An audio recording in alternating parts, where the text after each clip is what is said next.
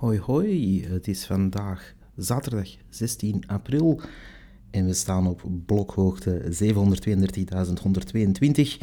Bitcoin staat op 40.470 US dollar, Amerikaanse dollar, en uh, ofwel 3, oh my, 3000, I wish, 37.470 euro. En dat is goed voor de theoretische omrekening in de Big Mac Index naar 8145. Goedemorgen of goedemiddag, waar u ook bent. Uh, we gaan vandaag een uh, tussenaflevering doen, waarbij we ook even een duik nemen in de geschiedenis. Ik wil in deze podcast af en toe niet alleen in de Bitcoin-geschiedenis duiken, maar ook in de ja, Belgische geschiedenis in het algemeen. Uh, natuurlijk in relatie met wat we doen met Bitcoin of wat we meemaken met Bitcoin. Want uh, hier en daar zijn er toch wel historische feiten die, uh, laten we zeggen, interessant zijn om weten.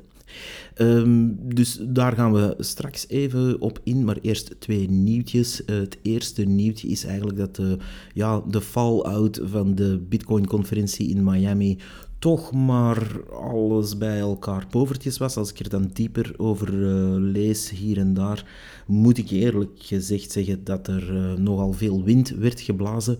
En uh, een aantal bekende mensen uit de Bitcoin-wereld, ik ga hier geen namen noemen, want dat, uh, dat leidt ons te ver. Maar uh, die, die hadden natuurlijk dingen aangekondigd uh, die wereldschokkend zouden zijn of die ons toch uit onze sokken zouden blazen, maar dat was geen sinds het geval. Nu, zoals ik in een andere, eerdere aflevering heb opgesomd, het is natuurlijk wel zo dat er wel degelijk goede dingen zijn gezegd. vooruitgang in een aantal apps die werden bijgevoegd, onder andere Shopify, onder andere NCR, die als proof, uh, als proof of work, als proof of stake of als point of sale is het natuurlijk uh, wereldwijd toch uh, ja, wel meedoen. En die gingen ook eigenlijk Lightning ondersteunen. Maar dat is natuurlijk allemaal niet by default, dus dat staat niet aan out of the box. Mensen moeten zelf wel degelijk dat gaan aanzetten. en, en zo zijn er nog een heel aantal nieuwtjes uitgekomen waar je eigenlijk van zegt van ja, jullie ondersteunen voornamelijk Lightning-netwerk dan wel, maar het is natuurlijk niet dat het ja, gewoon aanstaat out of the box en dat uh, mensen het zomaar kunnen gebruiken. Wat wel heel uh, positief is, is dat we meer en meer Lightning-transacties zien. Dus dat is zeker positief allemaal. we hebben nu eenmaal die second layer, die Lightning layer nodig om een beetje ja, scalable te zijn, om, om een beetje een betalingsnetwerk te kunnen uitbouwen. En ja, uh, daar zijn inderdaad rassenschreden vooruit uh, gegaan sinds vorig jaar. Er zijn heel veel uh, nieuwe dingen op til, ook in het Lightning-protocol. daar ga ik dieper op in moeten gaan op een andere keer, want daar moet ik zelfs nog de nodige research gaan doen om dat even uit te gaan vissen, wat er daar allemaal op til is. Maar daar daar ga je zeker nog meer over horen hier. Een tweede nieuwtje, en dat zag ik toch passeren vandaag en ik heb me er uh, eerlijk gezegd een beetje te druk in gemaakt. Uh, dat was dat er uh, een of andere krant, ik geloof dat het de standaard was, een artikeltje had gepost van ja, letterlijk een of andere front-end developer, ik ga zijn naam zelfs niet noemen, het is niet de moeite, die, die had beweerd dat, uh, dat je eigenlijk de planeet kan redden door je e-mail of je oude e-mails te deleten. En dat dat allemaal meehelpt om dus het aantal data uh, te verkleinen. En dan zag ik vooral, en dat, dat maakte me eigenlijk zo boos, ik zag daar meteen iemand van uh, een NGO, namelijk Broederlijk Delen, die overigens voor 52% gesubsidieerd worden in hun werking.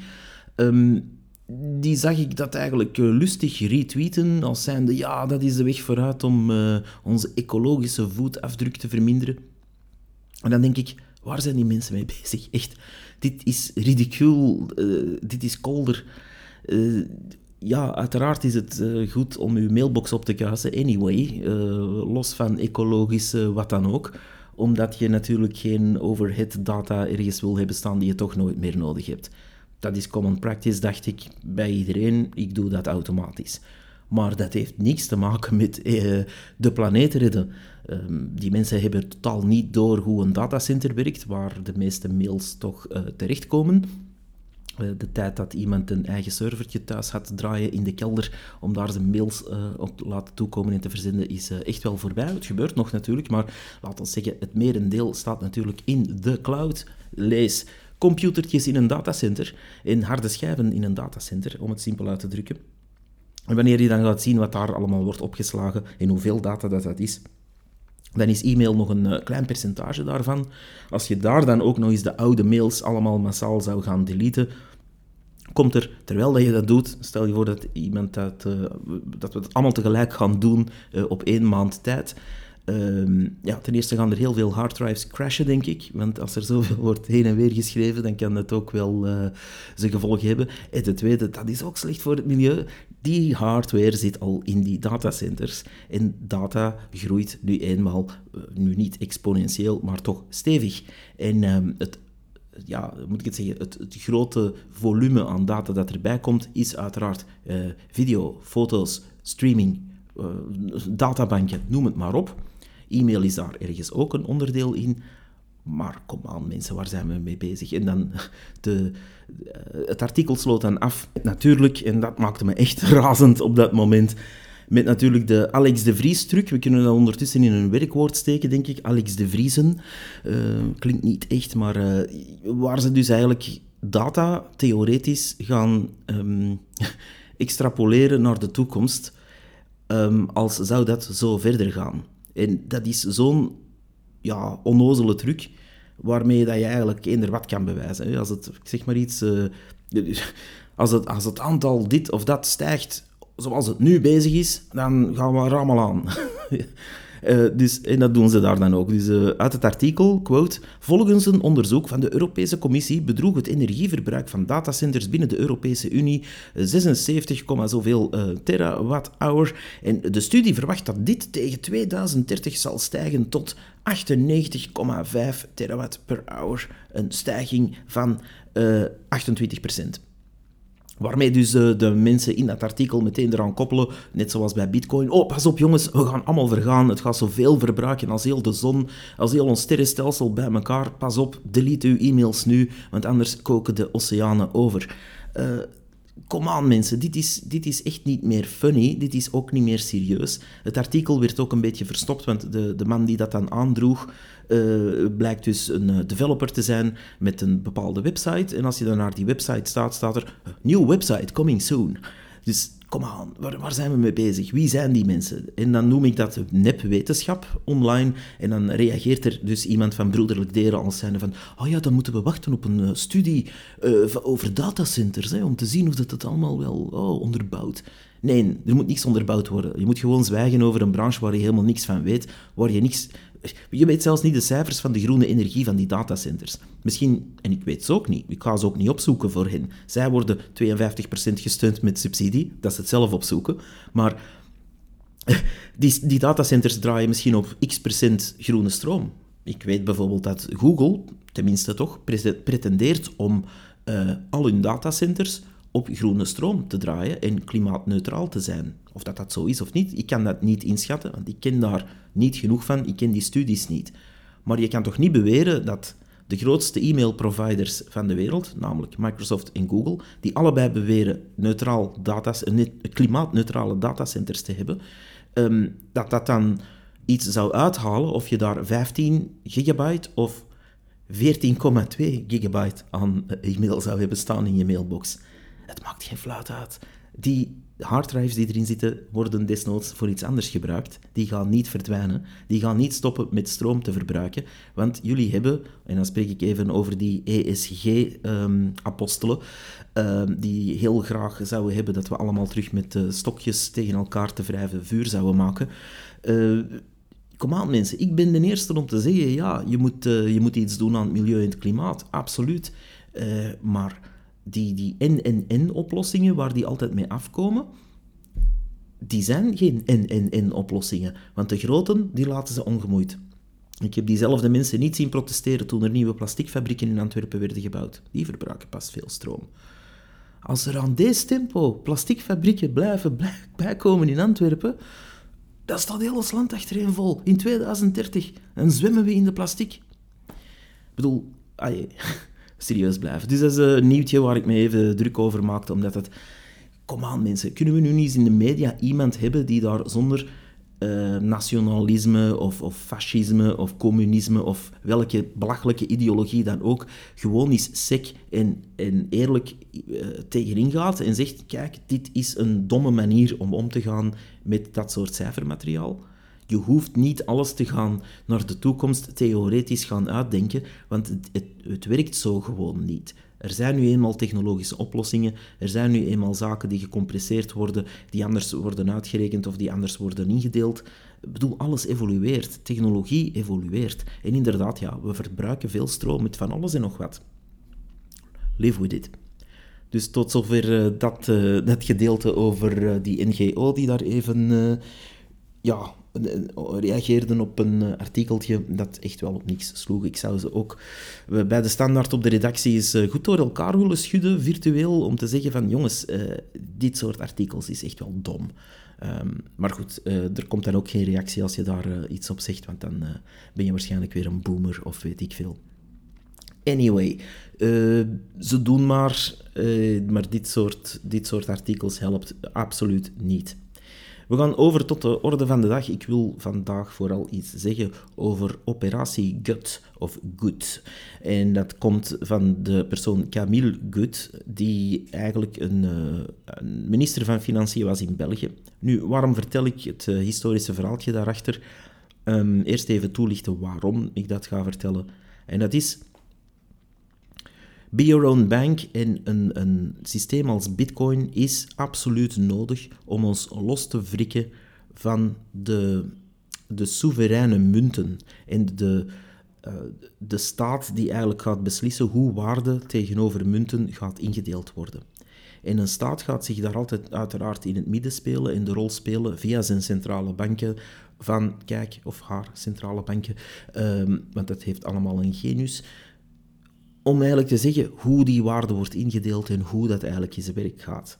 Bitcoin staat daar tegenover als zijnde, nee, uh, wij gaan eigenlijk die waarde anders indelen, mathematisch. En je gaat eigenlijk niet trucjes kunnen gaan beginnen doen, zoals ik uh, zo dadelijk ga uitleggen. Dus dat is even het, de core eigenlijk van waar Bitcoin over gaat, is net om zaken als operatie GUT niet te vermijden, want men gaat dat gewoon uiteraard uitvoeren wanneer men dat wil, maar om daar grotendeels aan ja, te ontsnappen of toch al zeker de effecten daar niet volledig van te voelen. Kan je aan alles ontsnappen dat een staat doet? Nee, we leven jammer genoeg uh, in een systeem waar de staat nog steeds oppermachtig is en waar wanneer ze willen je altijd te maken krijgt met uh, geuniformeerde mensen die met een knuppel op je komen kloppen. Dus dat is eigenlijk de essentie. Als ze u niet tof vinden, dan komen ze wel iets doen tegen u. En wie beslist dat? Ja, dat zijn dan de mensen die wij zogezegd verkiezen. Nu, dat kan leiden dus tot waardevermindering. wanneer je dus hebt gewerkt en gehandeld en noem het maar op, hebt gedaan om je waarde te behouden en om je waarde op te sparen in eender welke vorm, dan heb je niet graag dat dat wordt gestolen. Het wordt al gestolen via onze belastingen, maar goed, je krijgt daar toch nog iets voor in de plaats, is dan het uh, eeuwige riedeltje. Je kan daarover discussiëren, daar ga ik niet op ingaan, want er zijn te veel verschillende goede meningen over en ik ben daar zelf nog niet helemaal uit. Is taxation theft? Um, ja, grotendeels wel, vind ik, maar dat hangt dan puur af van wat er uh, mee gebeurt. Ik wil best uh, belasting betalen, net zoals iedereen, bedoel ik dat ook. Maar uh, ja, als er niks nuttig mee gebeurt of weinig nuttig mee gebeurt, of mensen worden gesubsidieerd die tegen technologie zijn en voor 52% hun werking wordt ondersteund met onnozele tijden, dan zou ik zeggen, ja, nee, misschien, uh, misschien hoeft dat toch niet. En dat telt even goed voor eh, NGO's dan voor politieke partijen of voor uh, nutteloze staatsinstellingen waar mensen zich zitten vervelen op het kantoor. Ik, ik, ik ben te veel aan het afwijken. In ieder geval, operatie Gut uitleggen. Uh, Camille Gut is eigenlijk een uh, aimable persoon. Wanneer je door zijn biografie leest, lijkt dat dus iemand die ja, eh, zelfzeker was, waar je zeker mee kon onderhandelen en praten. Het was zeker geen radicale uh, politicus, maar die wel uh, vrij radicale ideeën had over uh, herstel van economie. we spreken over de oorlogsjaren en ik ga nu niet heel zijn geschiedenis ook tijdens de oorlog en zo uit de doeken doen, maar het komt er eigenlijk op neer dat de operatie die hij lanceerde en die uiteindelijk zijn naam heeft gekregen, operatie Gut, dat die eigenlijk kwam en bedacht is eigenlijk al net na de oorlog starten. Van voor de oorlog was men al het goud en het papiergeld in veiligheid gaan brengen. Het goud is in een stuk of vier landen ondergebracht, in de VS, Zuid-Afrika onder andere. En um, het papiergeld is eerst naar Oostende uh, verscheept, om dan ook in veiligheid te worden gebracht in Londen.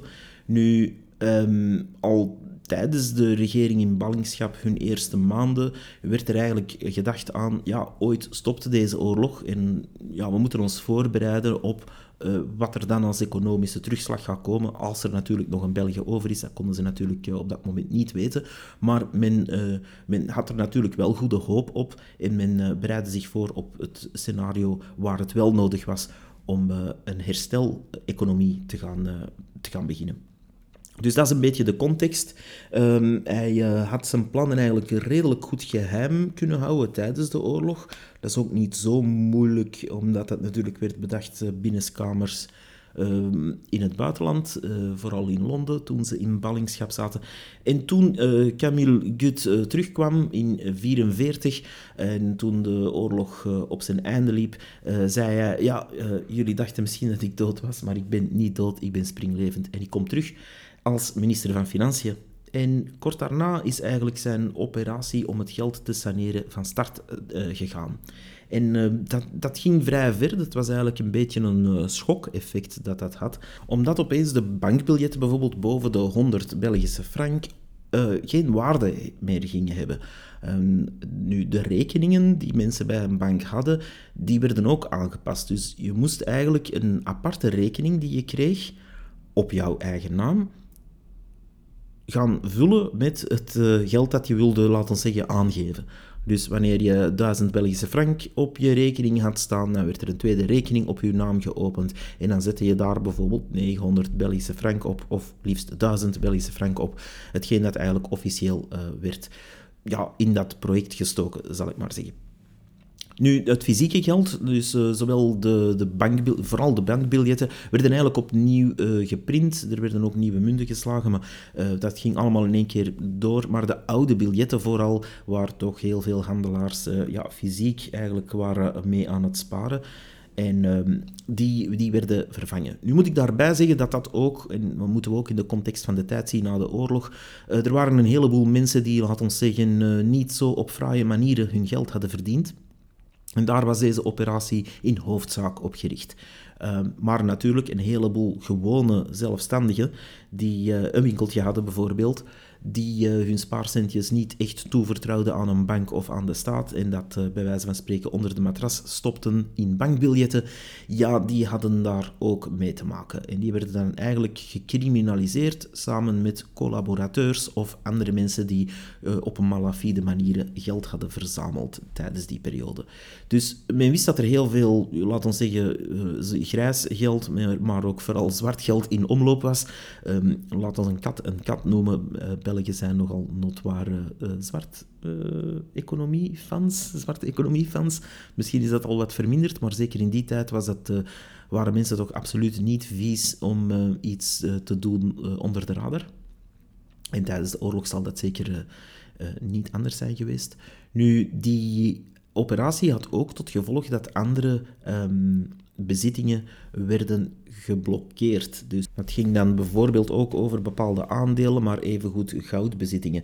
In het kort gezegd moest je eigenlijk gaan aangeven en gaan um, registreren of laten registreren wat je in bezit had. Voor de meeste mensen was natuurlijk het, uh, het cashgeld, wat toen heer en meester was, uh, natuurlijk de grootste impact, omdat er opeens vanaf een bepaalde datum andere bankbiljetten waren. Nog een leuk weetje ook, de Ehm, de toestand toen, net na de oorlog, uh, veroorzaakte ook een ander praktisch probleem. Men had eigenlijk niet genoeg schepen om die nieuwe bankbiljetten, de zogezegde gut-franken, um, om die eigenlijk uh, naar hier te schepen, naar België te schepen vanuit Engeland waar ze geprint waren. Omdat er gewoon niet genoeg veilige schepen waren die nog zeewaardig waren om in zo'n grote hoeveelheden zoveel bankbiljetten naar hier te brengen. Dat zegt toch ook al iets aan de, over de, uh, de omvang van die operatie.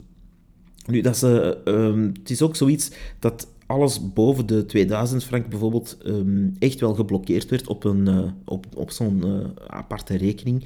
En dat kapitaal eigenlijk dat je op die manier ging geblokkeerd zien, bleef een hele tijd geblokkeerd. En uh, ook bijvoorbeeld uh, uh, Belgische, maar even goed buitenlandse effecten en aandelen die je had, uh, moesten aangegeven worden. En op die manier ging men eigenlijk een soort van eerste poging doen om vermogensregisters op te richten.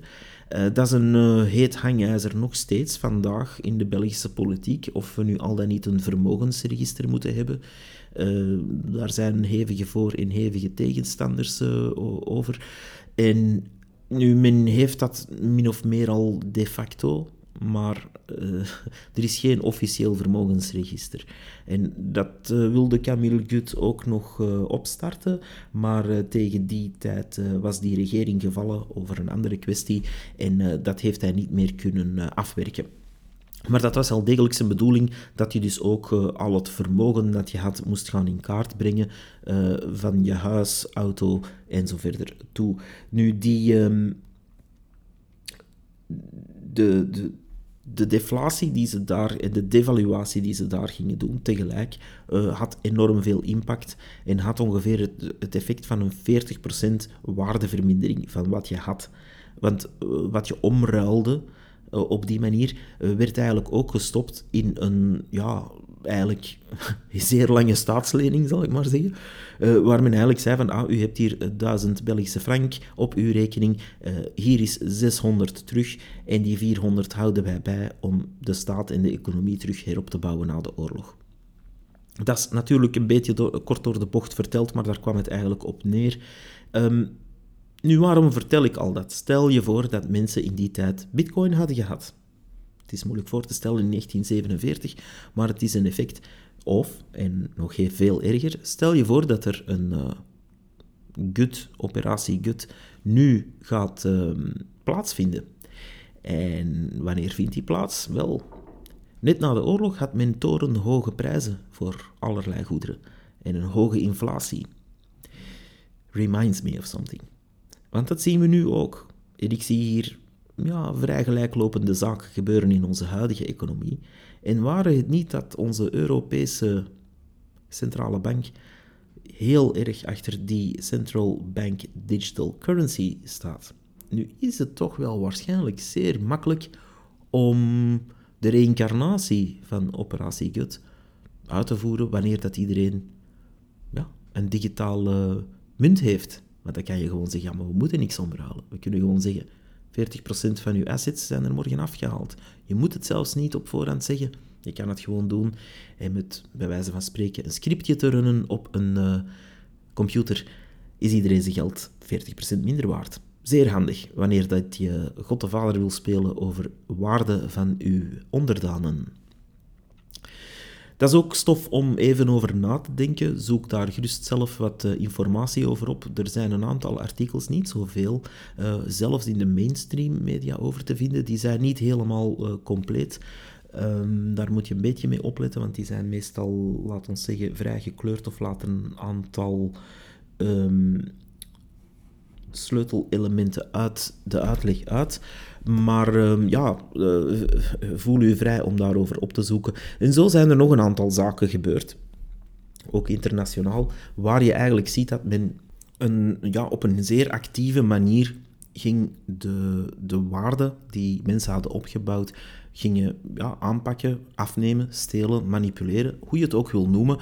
Um, ja, wanneer u morgen kijkt naar uw eigen spaarrekening en aandelenrekening en zichtrekening, en men gaat daar opeens x procent afnemen, zonder dat je daar enige keuze in hebt, uh, dat is niet zo leuk eigenlijk. Dat is, uh, dat is ook een teken aan de wand dat misschien uw monetair beleid niet echt fantastisch was. Eén excuus, en dat uh, moet ik natuurlijk in de tijdscontext plaatsen. Net na een enorme oorlog, zoals de Tweede Wereldoorlog, is het natuurlijk normaal dat er ook nogal extreme dingen plaatsvinden om de economie terug op te starten. Dus dat is natuurlijk een excuus dat ze toen hadden. En om eerlijk te zijn, ik vind Operatie Gut in die tijd um, eigenlijk een, uh, ja, een goed iets. Maar het blijft wel zo dat een staat daar een voorbeeld heeft gegeven van kijk, wij kunnen hier met de munt doen wat wij willen. En desnoods printen we nieuwe biljetten en maken we die oude uh, gewoon niet meer officieel.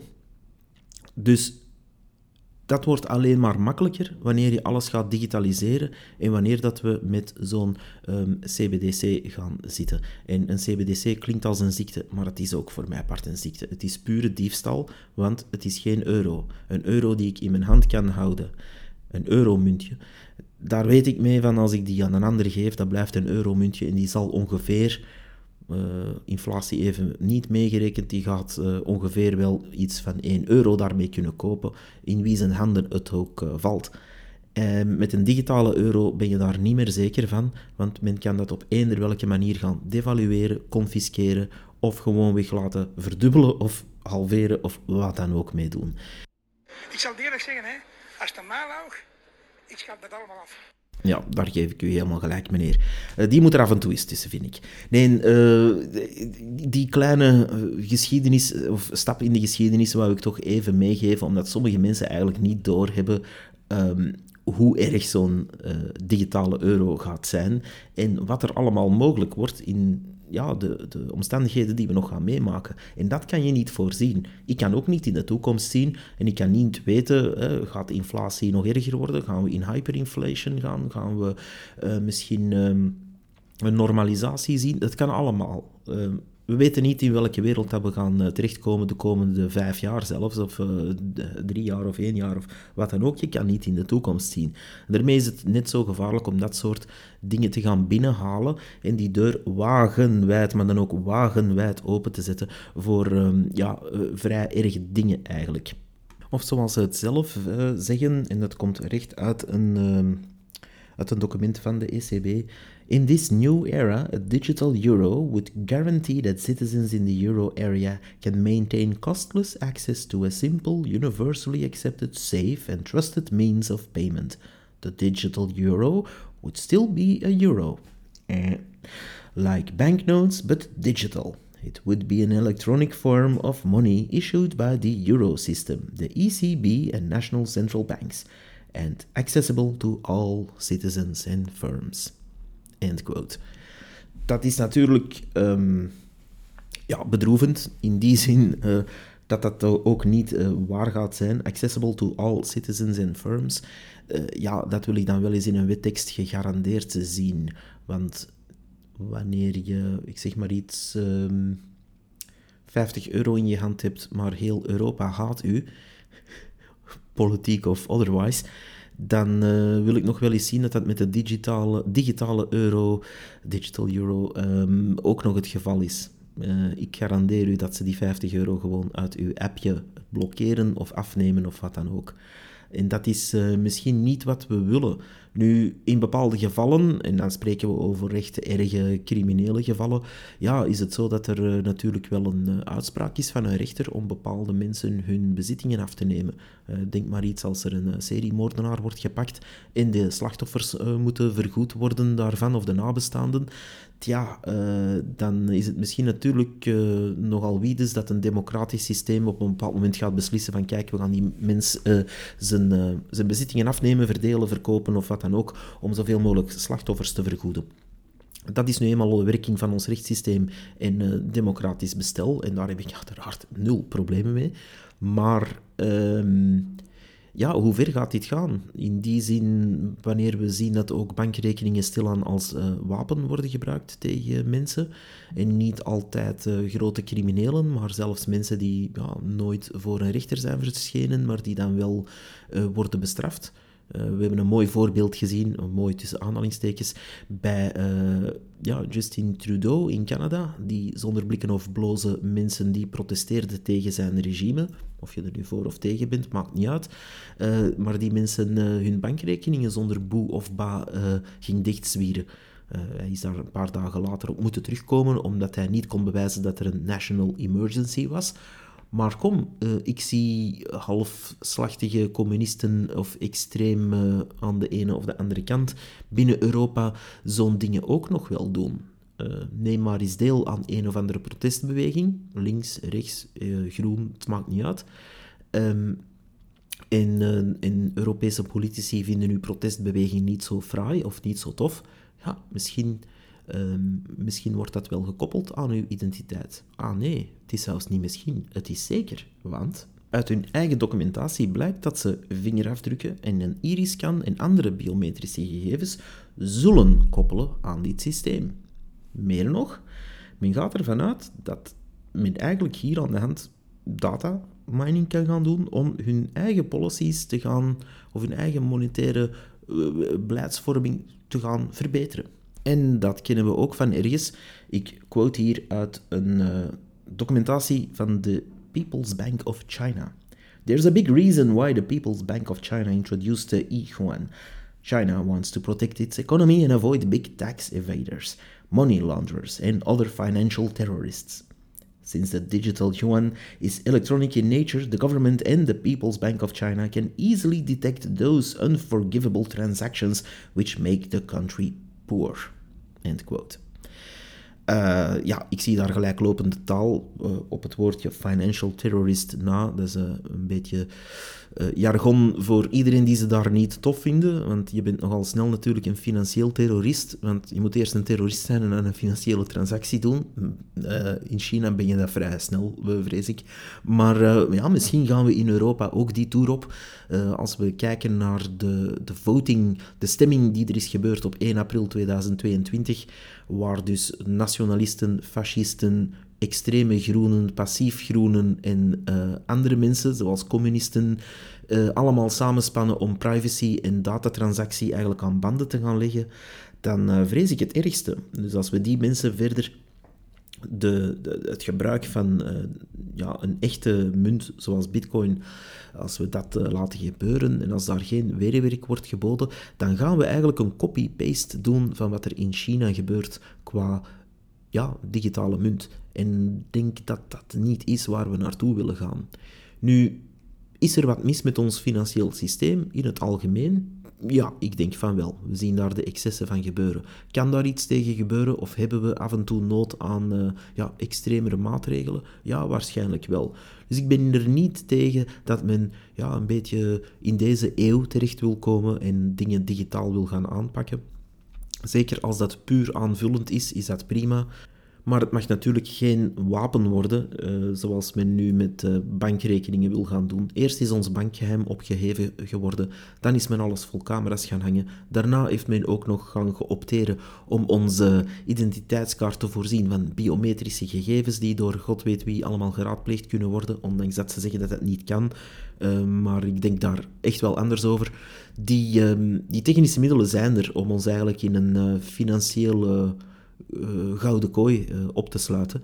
En misschien wordt die kooi ooit minder goud dan dat ze nu is. De verarming zien we nu gebeuren. Ik wil daar ook geen doemdenken over lanceren, want uh, dat ben ik eigenlijk niet. Maar het is toch wel niet zo fraai wat we nu zien. En het is zeker niet zo fraai om te zien waar Europa naar aan naartoe aan het evolueren is. Zeker wanneer we zien dat bijvoorbeeld in de Verenigde Staten er meer en meer open kan gepraat worden over ja, het uh, omarmen van Bitcoin. Uh, zij doen dat natuurlijk ook met een beetje het, de achterliggende gedachte om hun eigen digitale dollar erdoor te duwen en om te zeggen, ja kijk, we omarmen uh, het systeem van bitcoin wel, maar eigenlijk, eigenlijk is ons systeem veel beter, uh, gebruik dat maar. Ze gaan het eerst uiteraard naast elkaar laten draaien en eens ze zeker zijn dat ze genoeg mensen kunnen forceren of gewoonweg staalhard dwingen om die dingen te gaan gebruiken, uh, dat we een stap verder komen. En we zien dat hier al gebeuren met hoe dat uh, met ItsMe is gegaan. Ik vind dat een heel mooi voorbeeld eigenlijk. Onze digitale identiteit wordt daar stilaan door overgenomen. Uh, de ItsMe-app, die door banken en enkele telecomoperatoren is bedacht, niet door uh, de overheid.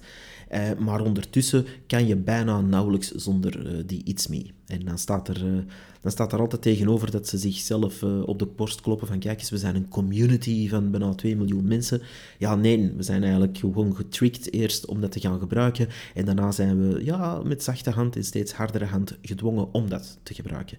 En ja, probeer bijvoorbeeld maar eens iets met een ziekenfonds te regelen of met een verzekeringsmaatschappij zonder je iets mee. Het is uh, absoluut niet makkelijk. Het gaat nog, maar je moet er moeite voor doen. Echt wel.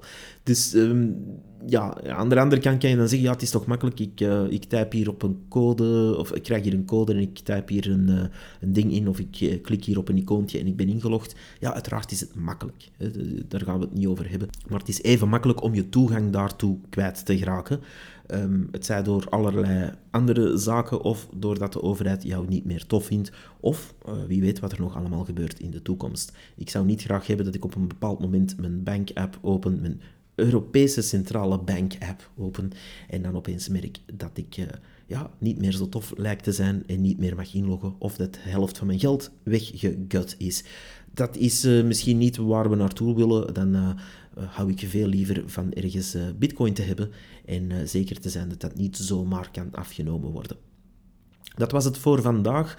Um, ik ga af en toe de geschiedenis ook van Bitcoin zelf induiken. Uh, daar ken ik uh, wel wat van en daar wil ik ook heel graag over vertellen. Maar in ieder geval, ik wil een warme oproep doen om deze podcast een beetje ja, te marketen eigenlijk. De luisteraars van deze podcast zijn mijn marketingteam jullie moeten eigenlijk mensen gaan overtuigen. Luister naar die podcast of uh, doe iets met Bitcoin, probeer Lightning. Jullie zijn de evangelisten, jullie zijn de luisteraars. Jullie moeten het gaan doen, want ja, we kunnen niet in mainstream media komen. We kunnen niet uh, iets gaan doen of weerwerk zelfs bieden tegen de onnozeliteiten die we elke dag in onze mainstream media zien gebeuren over bitcoin. Uh, we krijgen geen weerwoord. En daar wil ik echt wel verandering in brengen. Ik wil echt dat we uh, een tegenwoord kunnen zijn. Als er een nieuwtje in het nieuws komt waar we absoluut iets over willen zeggen, dan zal dit een van de kanalen zijn waarop wij kunnen antwoorden. Want ja, uh, men gaat nooit de andere kant van het verhaal uh, nagaan. Men gaat nooit eens vragen van, ho, wat zou een pro-bitcoiner hiervan denken? Het is altijd eenrichtingsverkeer en dat was ik eigenlijk meer dan beu. En ik denk velen met mij, wanneer je de kranten opent, wanneer je sites opent, je hebt eigenlijk één redactie met acht titels, waar je altijd hetzelfde leest. Als er één iemand zegt dat morgen uh, Bitcoin evenveel gaat verbruiken dan heel Europa, uh, dan lees je dat diezelfde dag in acht kranten, in dezelfde bewoordingen, met dezelfde tekst, met dezelfde inhoud, met dezelfde fouten. En er komt nooit iemand zeggen van, ah ja, maar hier is een persoon die er iets anders over denkt. Dus eh, na vele malen proberen om uh, blogposts daarover te schrijven of een recht, recht, van antwoord in te sturen naar allerlei sites uh, en naar kranten en naar VRT en noem het maar op. je krijgt nooit reactie, je wordt nooit uitgenodigd, je wordt nooit eens gezegd van ga, we gaan jouw stukje erbij zetten of we gaan u een uitleg vragen uh, hooguit om u belachelijk te maken. Dus dat doen we niet meer. We gaan onze eigen kanalen moeten oprichten, net zoals dat we ook een eigen munt hebben moeten oprichten. Wij niet. Jammer genoeg hebben wij dat niet geprogrammeerd. Maar we nemen er allemaal aan deel. We are all Satoshi. En ik neem dat eigenlijk vrij serieus.